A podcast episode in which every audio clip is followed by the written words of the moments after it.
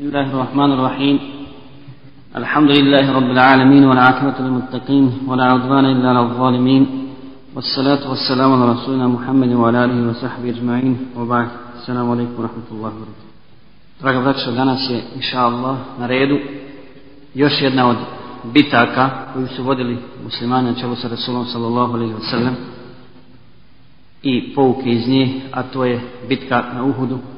Spomenut ćemo samo ukratko e, šta se sve desilo taj dan biti na Uhudu i kako je do nje došlo, pa ćemo inša Allah onda krenuti s poukama kroz tepsir određenih kuranskih ajeta koji su objavljeni povodom bitke na Uhudu.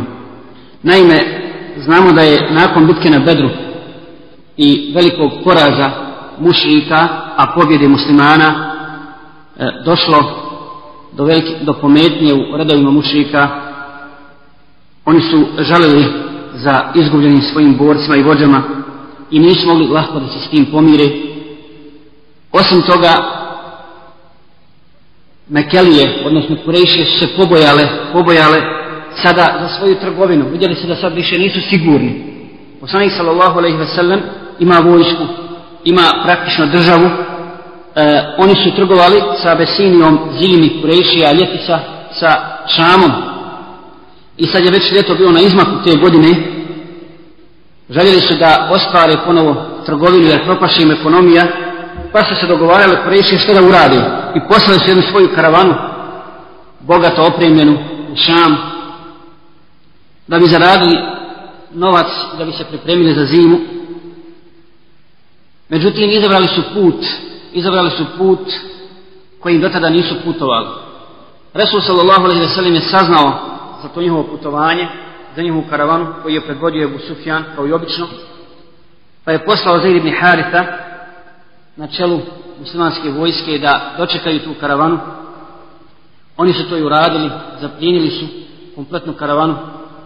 Mušici se razbježali, došli su u Meku i kada su Kurejsije čule šta se desilo, onda su ponovo vječali i dogovorili se da konačno trebaju da se okupe da skupe vojsku i da, da krenu na, na Medinu da završe sa poslanikom sallallahu alaihi wasallam u tome je najviše pomogao dakle u tom puškanju najviše je pomogao Ikrime ibn Vidžahl jer njegov otac ili faraon ovoga ummeta je bio ubijen na bedru zatim Safan ibn Umeje, Ebu Sufjan i ostali posjecali su mušike na borbu i između ostalog dogovorili su se da krenu na Medinu, skupili su 3000, 3000 mušičkih vojnika i krenuli prema Medinu.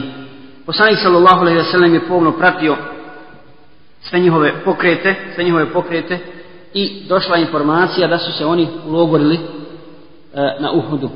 Na Uhudu, dakle nisu bili krenuli na Medinu, nego se tu ulogorili, pa je poslanik sallallahu alejhi ve sellem sakupio ponovo suru, sakupio ashabe, da vide šta će da urade, da se dogovore gdje da ih dočekaju, da li da ih čekaju u Medini ili da ih, ili da ih da iziđu njima u susret. Resul sallallahu alaihi sallam je predlagao da, idu, da dočekaju mušike u Medini. Jer sad su imali dovoljno vojnika i mogli su, bili su naoružani spremni da ih dočekaju posao posle bedra, moral je bio jako, jako velik od muslimana, i poslanik sa selim je govorio da, da će muškarac učestvovati direktno u borbi, ubijeće i ubijeće i e, nemilice tu u Medini u gradu, a čak će angažovati žene koje će ih gađati e, onaj, kamenjem i tako dalje i sigurno bi poraz bio teži tu. Međutim, ashabi su bili suprotnog mišljenja. Većina njih je govorila da bi trebalo izići, da bi trebalo izići e, van Medinije, odnosno sukobi se s ima na Uhudu, tako da su mnogi od njih e, kao što je Hamza govorio tako mi Allaha neću neću ništa jest ni pit dok ovu svoju sabiju neću učim dok se sa njima ne sukobim ponovo van me, van me dine dakle da, da ih porazimo na uhudu tu gdje se okupili Resul sallallahu alaihi wa sallam je prihvatio mišljenje većine većina je odlučila tako i on je popustio kazao je dobro kad vi tako kažete onda ćemo, onda ćemo izići pripremiti se i, i, i odlazimo Interesantno je ovdje spomenuti da je e, vođa munafika, Abdullah ibn Ubej bio na strani poslanika sa veselim, bio s njegovim mišljenjem. Dakle, da, ostanu u Medini tu, ne zbog toga što je on podržavao poslanika sa mišljenju, nego zbog toga da se ne bi otkrio njegov nifak. U Medini je se lakše mogu satiti. Ne bi išao u boj, ne bi išao u bitku. Ovako, kad poslanik sa veselim naređuje kao, kao poslanik i kao imam, kao, kao vođa, naređuje pokret, svi moraju izići. Svi moraju izići u borbu. Zato se on nije slagao s tim da se, da se iziđe. Resul sallallahu alejhi ve sellem je mobilisao oko 1000 vojnika spremni da se sukobe sa mušricima. Prije pokreta na sjevernoj strani od, od Medine o, okupila se jedna grupa ljudi pa je poslanik sallallahu alejhi pitao ko su ovi? Onda su rekli kaj to su, to su židovi koji žele da pomognu muslimanima. A u stvari to su bili saveznici monasnika koji su željeli da naprave spletku. Pa je poslanik sallallahu alejhi ve sellem rekao jesu primili islam? Kaj nisu primili islam? E onda kad ne trebaju da učestvuju s nama jer nama ne treba pomoć nevjernika u borbi protiv, protiv mušnika. I to je još više ozvojedilo e, munafike, pa su želi da napravi spletku. Tako da je, kad su izišli i krenuli prema Uhudu, da post, nakon toga je njihov vođa, Abdullah ibn Ubej, okupio svojih 300 ljudi, 300 vojnika i onda održao govor pred muslimanima, rekao je, mi se vraćamo, mi nemamo tu što tu sada tražimo, zbog čega da se borimo, zašto treba da ginemo. Vi, vi nas samo gurate, gurate da, da ginemo, da, da, da ubijamo naše saveznike i tako dalje. I unio je veliki nered i veliku pometnju muslimanske, muslimanske revode, kako ćemo vidjeti kasnije iz određenih kuranskih, kuranskih ajeta. E, posle toga, Muhammed sallallahu alaihi sallam ostaje, ostaje sa oko 700 vojnika, 700 istinskih mu'mina i vjernika koji treba da se sukobe sa, sa mušicima na Uhudu. Dakle, e, mi znamo to bitke kako, kako se sve to odvijalo. Na početku muslimanska vojska je napredovala. Napred bilo je bilo onih početnih sukoba u kojem učitvala Hamza i ostali, ostale muslimanske vojskovođe. Ubijali su mušike i bili su ih potjerali. Poslanik Salome Salim je rasporedio vojsku, vidjet ćemo da to je jedna od pouka, velikih pouka ove bitke, rasporedio vojsku tako, a pored toga tako da, da im Medina dođe naprijed, da mušici budu između njih i brda Uhud, odnosno prema Medini, a na brdo, na jedno malo brdašce koje, za koje je smatrao da, da će biti velika opasnost, da mogla biti opasnost od konjice koji je predvodio Halid ibn Velid, Resul sallallahu alaihi sallam je odredio 50 strijelaca i rekao im, ne silazite s tog, čak Buharija bilježi jednu predaju, kaj, e, kada ne silazite s tog brda, bez obzira šta se nama desi, čak kada bi nas ptice razgrabile i odnijele, doživjeli mi poraz ili pobjedu, vi ne silazite, ne napusete vaš položaj. Međutim, kada su muslimani potjerali mušiku i oni počeli da bježe, počeli da bježe, ovi muslimani na brdu su odbijali najprije Halidne velida uspješno. I kad su vidjeli da svi mušici bježe, očekivali da će pobjeći ova konjica Halidne velida i oni su krenuli. Oni su krenuli za ratnim plijenom, a pored toga radovali su se pobjedi, mislili su da je, sve, da je već gotovo. Halid ibn Velid je došao iza leđa muslimanima i onda gotovu pobjedu, gotovu pobjedu muslimana pretvorio u poraz muslimana i pobjedu, pobjedu mušnika. Ono što je interesantno spomenuti jeste da je, da je u ovoj bici poginuo, poginuo Hamza radijallahu ta'ala Amidža poslanika sa sve za kojim je on puno žalio, za kojim je on puno žalio, je bio jedan poznatih vojskovođa i vođa u većini tih bitaka, posebno u bici na Bedru, a također i na Uhudu. I ono što još treba spomenuti jeste da je poslanik sallallahu alaihi ve sellem u ovoj bici, u ovoj bici ubio koga? Poslanik sallallahu alaihi ve sellem je u Mekiji, u Mekiji još najavio kada je Ubej ibn Halef dolazio da ga provocira da ga izaziva eh, i tako dalje, da ga vrijeđa, on mu je najavio pogibiju od njegove ruke. Da će ga poslanik sa vaselem ubiti. I to se ostvarilo, to se ostvarilo u bici na Uhudu, kada je poslanik sa vaselem uzeo koplje, bacio ga i pogodio bejbni halefa, on je otišao, vratio se u radove mušika, takav ranjen, takav ranjen, i kaže, ubio me, ubio me Muhammed, i kada je tako mi Allaha, on je ovo meni obećao, obećao da će mu ubiti, da me je pljunuo, ljubačkog nečak ubio a ne, a ne kopni. Dakle, da je puno prema meni, ubio bi me. Dakle, bili su ubijeđeni u to da je on poslanik, međutim, su prostavili su se, nisu mu, zbog svog paganskog žara, nisu, nisu želi da ga prihvati. Posle toga, poslanik sa sam se povukao, povukao na brdo i ostao je, većina, većina muslimana se povukla, pobjegla, ostao je poslanik sa sam sa nekoliko svojih drugova, ashaba, I nakon toga, kad, su, kad se povukli u, u kamenja Uhuda, Ebu Sufjan prijeti i govori, osvijetili smo bedr, ali ovo nije sve, mi ćemo nastaviti s ovim i tako dalje. U Mekije je bilo veliko slavlje od mušnika, muslimani su Rahmatullah. Muslimani su bili tužni zbog ove izgubljene bitke, međutim, poslanik sallallahu ve sellem se nije predavao, nije bio pesimista, nego, kako ćemo vidjeti, nakon toga je okupio vojnike, jer znao je pogledajte, ovo je zaista velika stvar. Nakon izgubljene bitke, toliko ranjenih, 70 poginulih muslimana, oko 22 u nekoj predaj, 37 mušnika je ubijeno, a, jer rekli smo prije toga da ove predaje vezane za, za, za siru, često puta a, nisu sahi i tako dalje, ili se, raz, ili se onaj učenjaci razilaze oko tih, oko tih predaja. Dakle, 70 muslimana poginulo jako dosta i ranjeno, teže i teže ranjeno, poslanik sada selem posle toga naređuje, naređuje da svi ranjeni, da svi ranjeni kada je do, došao moj melek Žibril i, i rekao, rekao o Muhammede, zar ćeš ostaviti, jesu to ostavi oružje, kada je tako mi Allaha, mi meleki nismo ostavili oružje. Mi nismo ostavili oružje, dakle i krenuo je i naredio je da svi oni koji su učestvovali u borbi, svi oni koji su učestvovali, makar bili teško ranjeni, da krenu ponovo da se okupe, da onaj, da potjeraju, potjeraju mušike u pohodu na Hamraul Asad. Dakle, tako se završila bitka, bitka na Uhudu. Mi hoćemo da pratimo, braćo, ovu bitku kroz kuranske ajete i sure Ali Imran od 138. od 138. ajeta do do 179. i da izvučemo iz ovoga inša Allah neke pouke. U ovim kuranskim ajetima Allah dželle šanehu kaže auzu billahi minešejtanir racim wala tahinu wala tahzanu wa antum al'auna in kuntum mu'minin dakle prvi kuranski ajet koji želimo da, da spomenemo je Allah dželle šanehu obećava veličinu mu'minima dakle ponos je mu'minima ne trebate da bez obzira što ste poraženi bez obzira što ste izgubili tu bitku ne tugujte i ne žalostite se vi ne žalostite se vi ćete biti gornji vi ćete biti iznad njih vi ćete voditi i predvoditi ako budete ako budete istinski istinski mu'mini.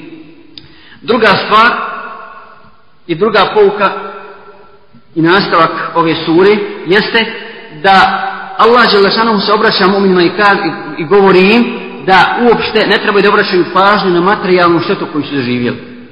Dakle, ona nije bitna. Kaže uzvišeni im je im je im je sasum karhum fakad masal qawmu karhum mithluhu Ako vi rana dopadate, i drugi rana dopadaju. A ovim danima mi dajemo pobjedu sad jednima, sad, sad, sad drugima.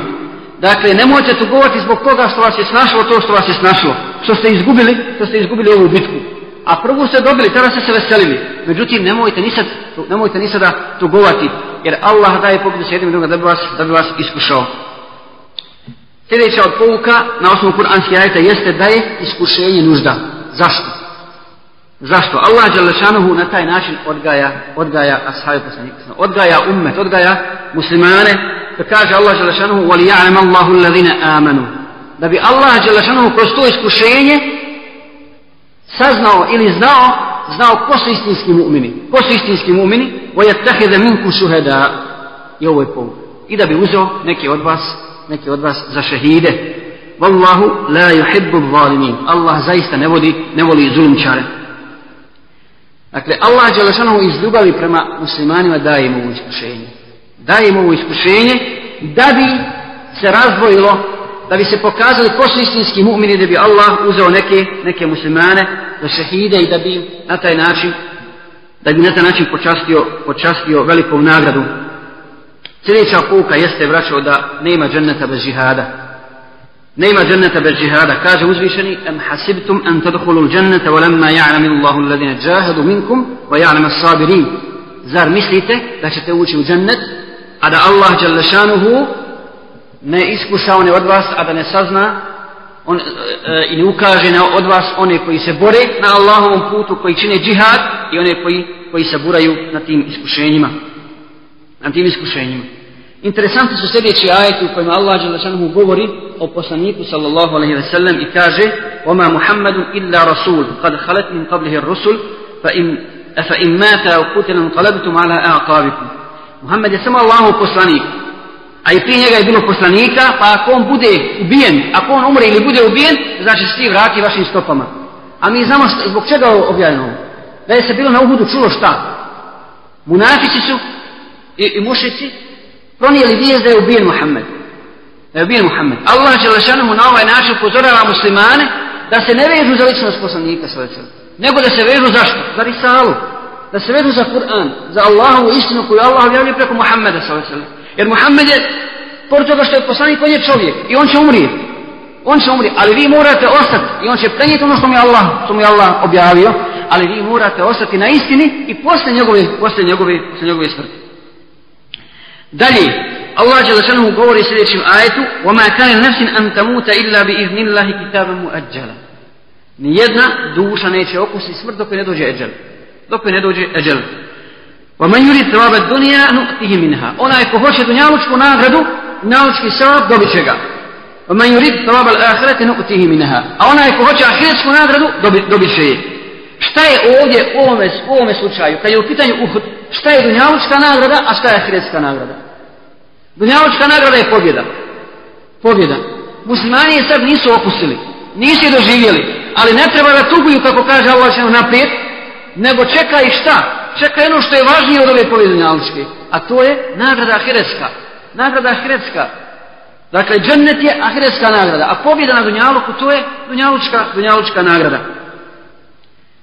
E, sljedeća stvar i sljedeća pouka koju, koju izlačimo iz ovih kuranskih ajeta za koje vas ja upozoravam da ih kasnije dobro jer ipak kroz siru i kroz, kroz ovaj tepsir druga, otkriće nam se mnoge stvari u suri Ali Imran e, i čovjek kad čita ove ajete jednostavno se saživi s tim kad ih čita kroz siru, kad znate događaje i znate pouke i kad onda kasnije čita kuranske ajete i suri Ali Imran doživljava to kao da je tu kao da je prisutan, vraća sebi sliku iz, iz, iz tog doba kad je poslanik sa selem vodio, vodio bitku protiv, protiv mušrika.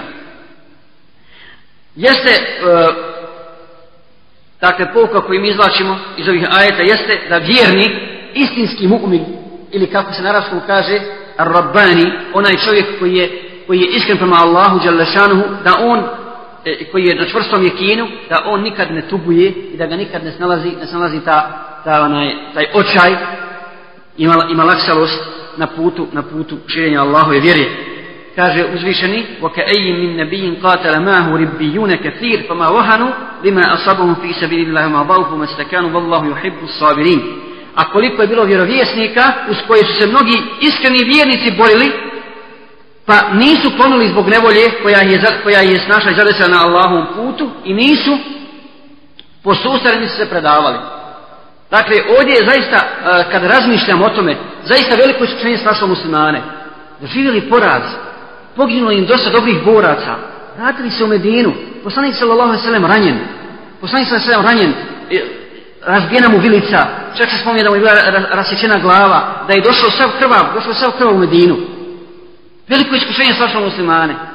Allah će lešanom baš tada objavljuje kuranski ajete poslaniku i kaže koliko je bilo prije vjerovjesnika s kojim su se borili istinski mu'mini, istinski vjernici i nisu tugovali i nisu malaksali i nisu popuštali kad bi snaži iskušenje. Dakle, on ostaje čvrsto, čvrsto na tom putu ubijeđen da će Allah Đelešanu ga nagrad zato da će Allah sigurno pomoć i pobjedu svom, svom poslaniku. Dalje, Allah Đelešanu govori ovim kuranskim ajetima da će on uliti strah u srca, u srca nevjernika. Da će uliti strah u srca nevjernika sa nulke i fiku lubi ledine kafaru ru. Bima ašraku billah. Mi ćemo uliti strah u srca nevjernika, u srca mušnika zato što šir čini Allahu Đelešanu. I je li bio uliven, uliven strah u njihova srca? Na početku su odmah bježali.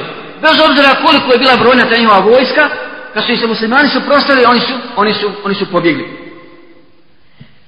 E, dalje, uzroci uzroci poraza mi smo spomenuli prije da je u poukama kad smo na početku spomenuli u prvom drsu jedan, jedna od glavnih pouka sire jeste i to da saznamo preko toga uzroke pobjede i poraza zbog čega šta je bio uzrok ovdje poraza, poraza na uhu uzrok je bio malaksalost ponulo s duhom, neposlušnost poslaniku i međusobno, međusobno, međusobno raspravljanje.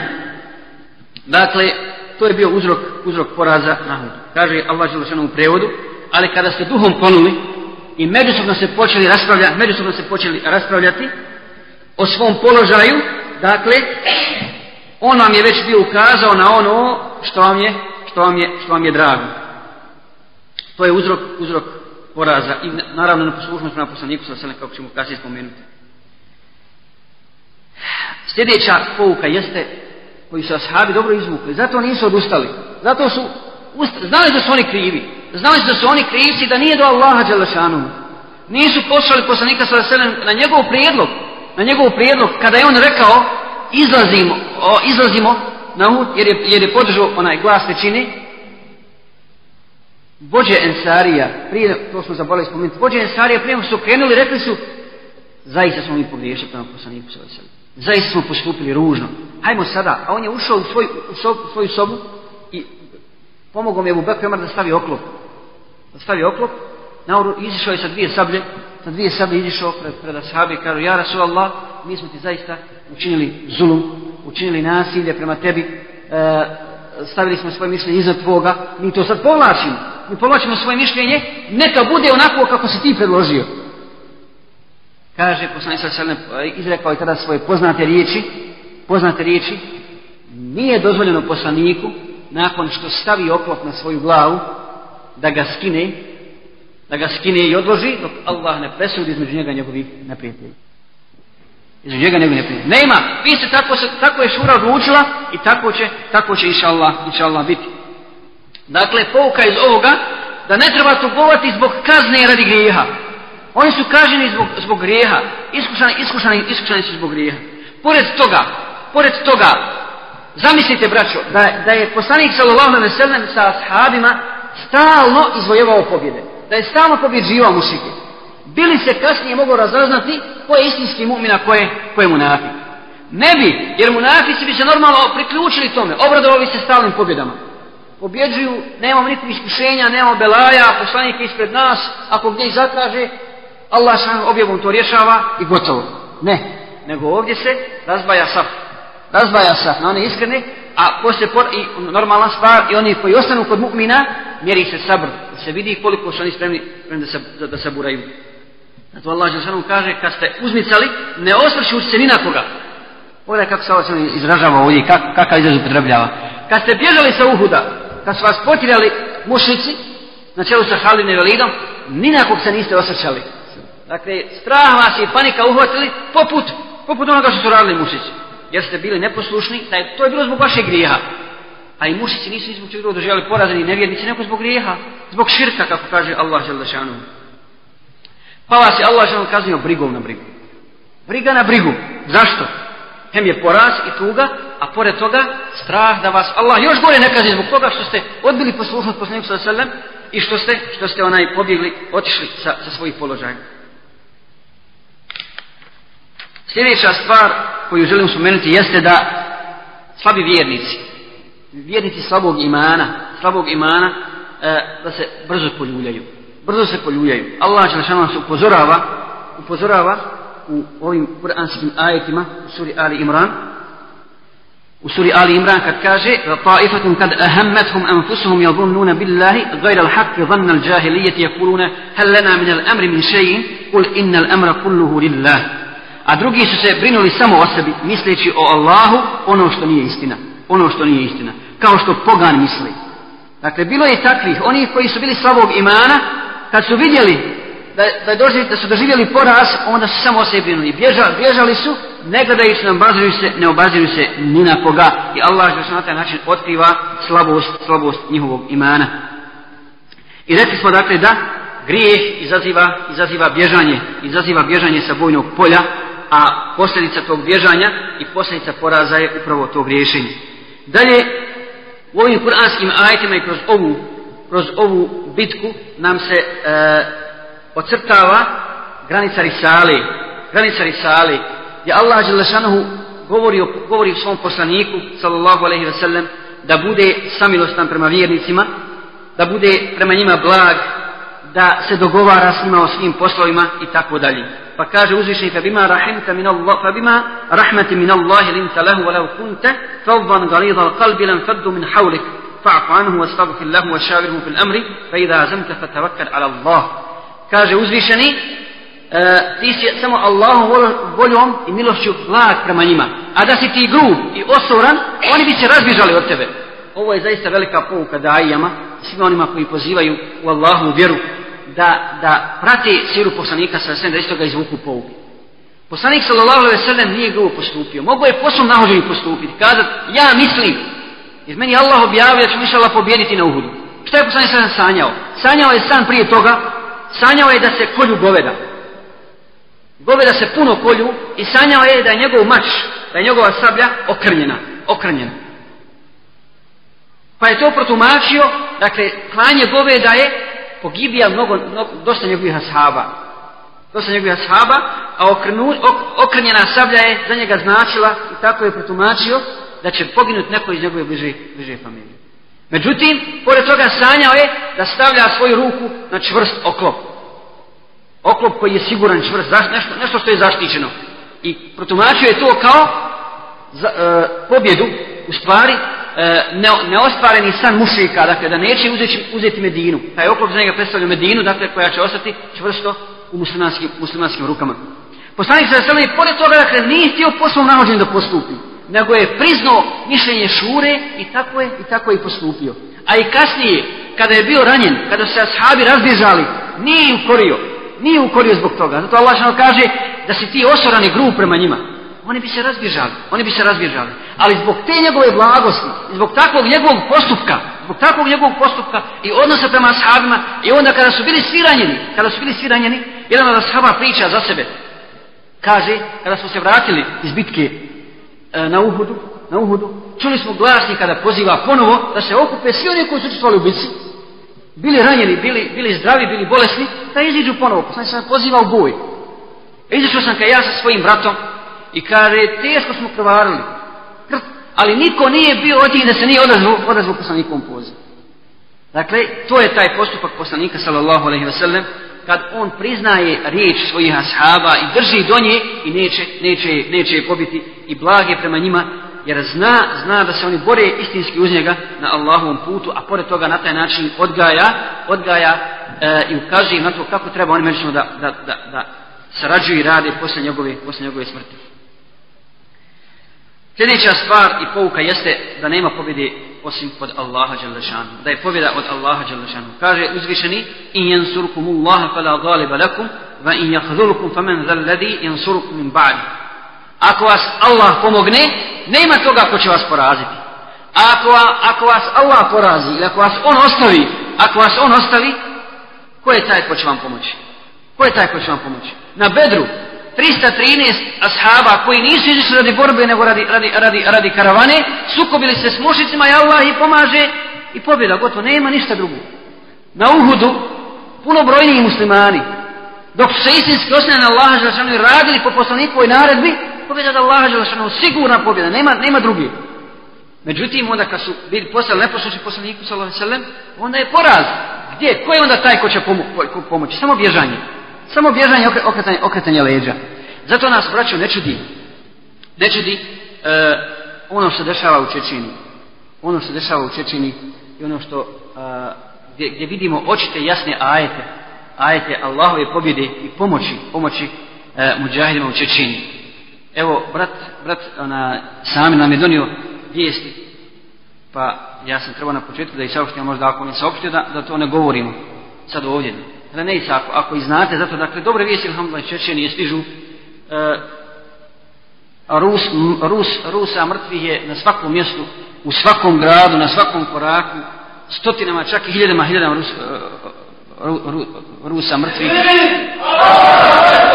I, sta, I kaže, koju god stanicu upališ na televizoru, vanredne sjednice, vanredne sjednice u Kremlju, u Kremlju u Moskvi, i čak su onaj proglasili vanredno stanje da bi helikopterima da bi helikopterima pokupili mrtve da bi to sakrili od novinara da oni ne bi mogli onaj da ne bi mogli da prebroje koliko ima mrtvi i, i, i tako dalje dakle toliko i čak brat koji se vratio iz Čečenije priča meni kaj Hatab e, vočni u Čečeni razmišlja o tome da, da, da još smanji broj vojnika ima i samo 4000 hoće još da ih smanji da bi bili efikasniji, efikasniji borbi Pogledajte, kad se istinski osvije na Allaha Đalešanohu i bori na Allahovom putu, džaba je njihova tehnika, džaba je njihova brojnost, kad su, kad su, kad su niko i ništa.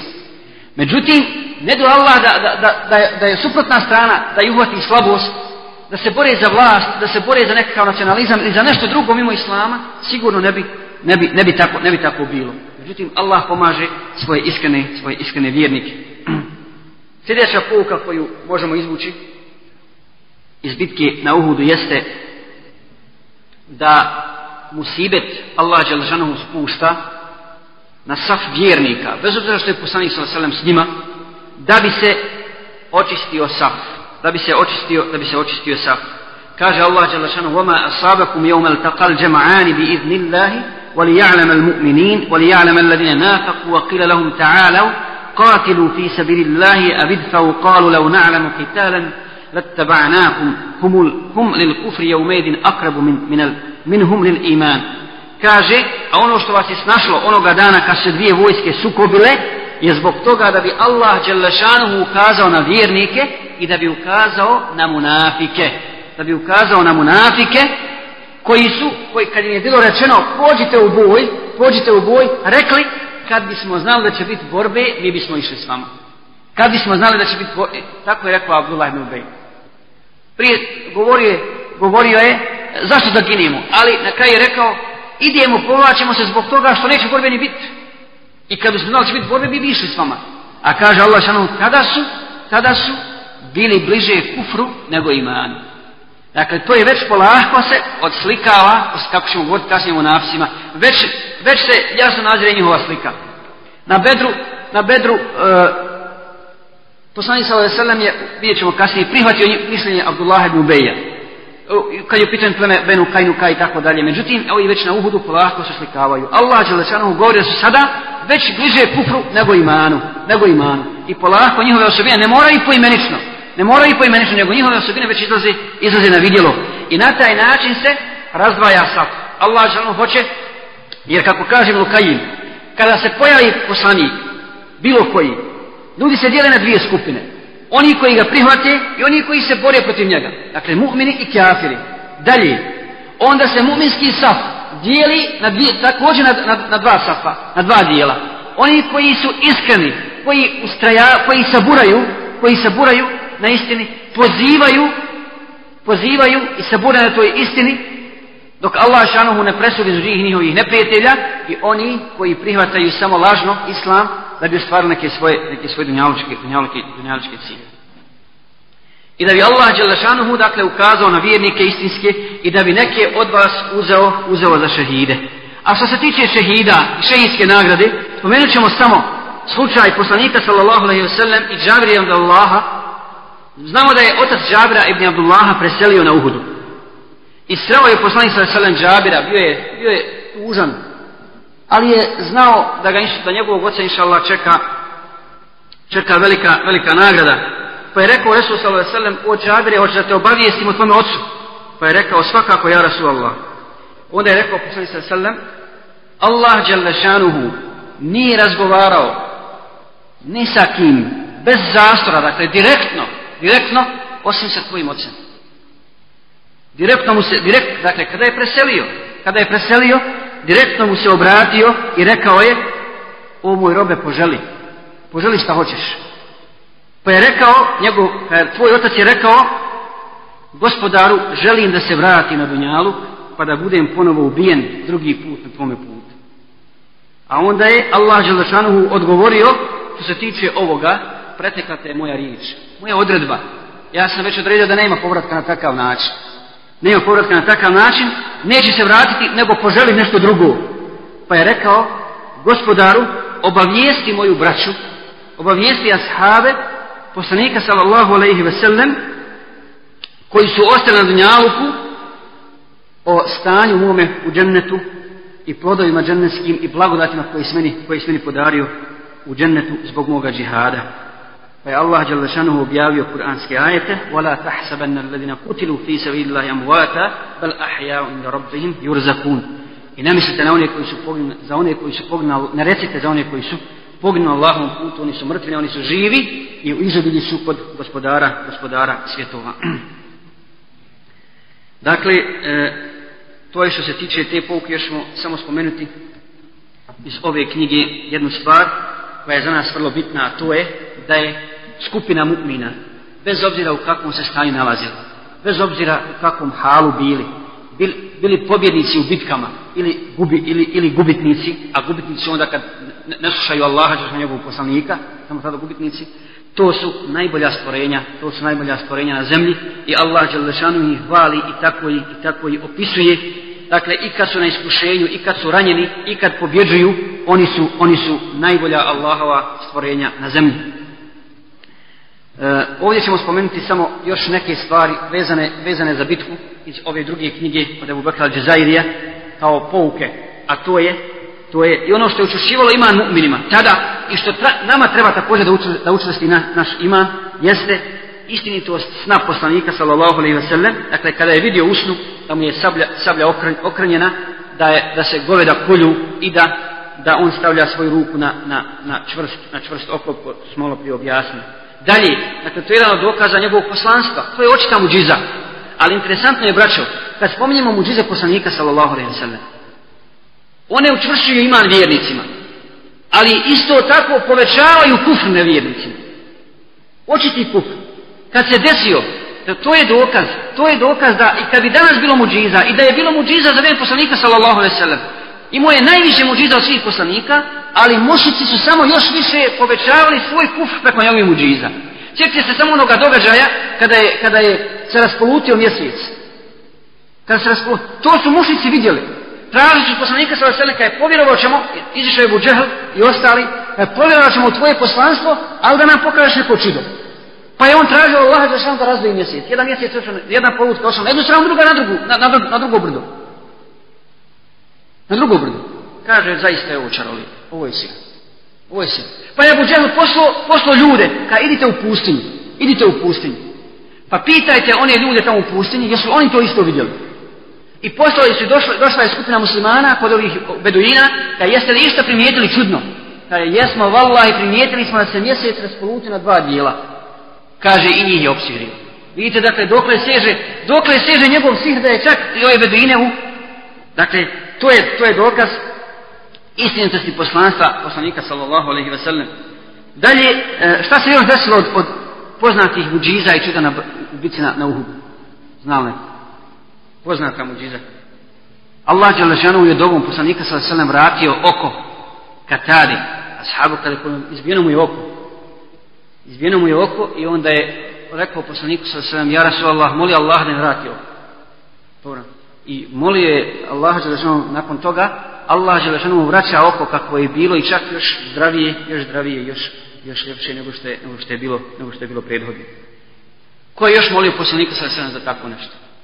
Još jedan od sahaba. Ebu Sufjan također.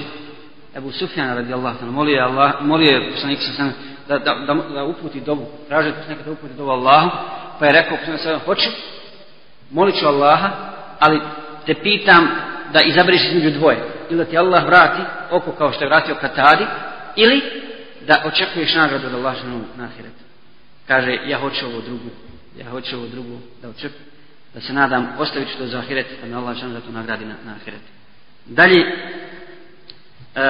jedna od pouka iz ove bitke jeste potvrda, potvrda principa šure i dogovaranja.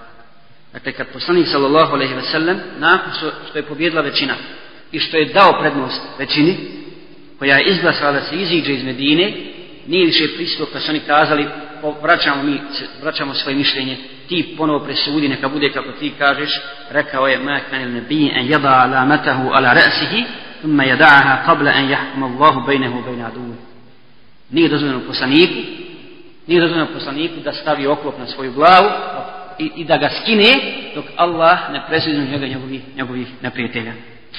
Također e, u ovoj bitci se e, na najbolji način ogleda hrabrost poslanika sallallahu alejhi ve sellem. Njegova odlučnost, njegova odlučnost i ovo je vrlo bitno za one koji vode koji vode džemate, koji vode pokrete.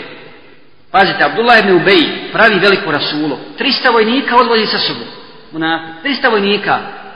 Međutim, to je zbunilo mnogi ashabe. Mnogi ashabi, u njeno nered.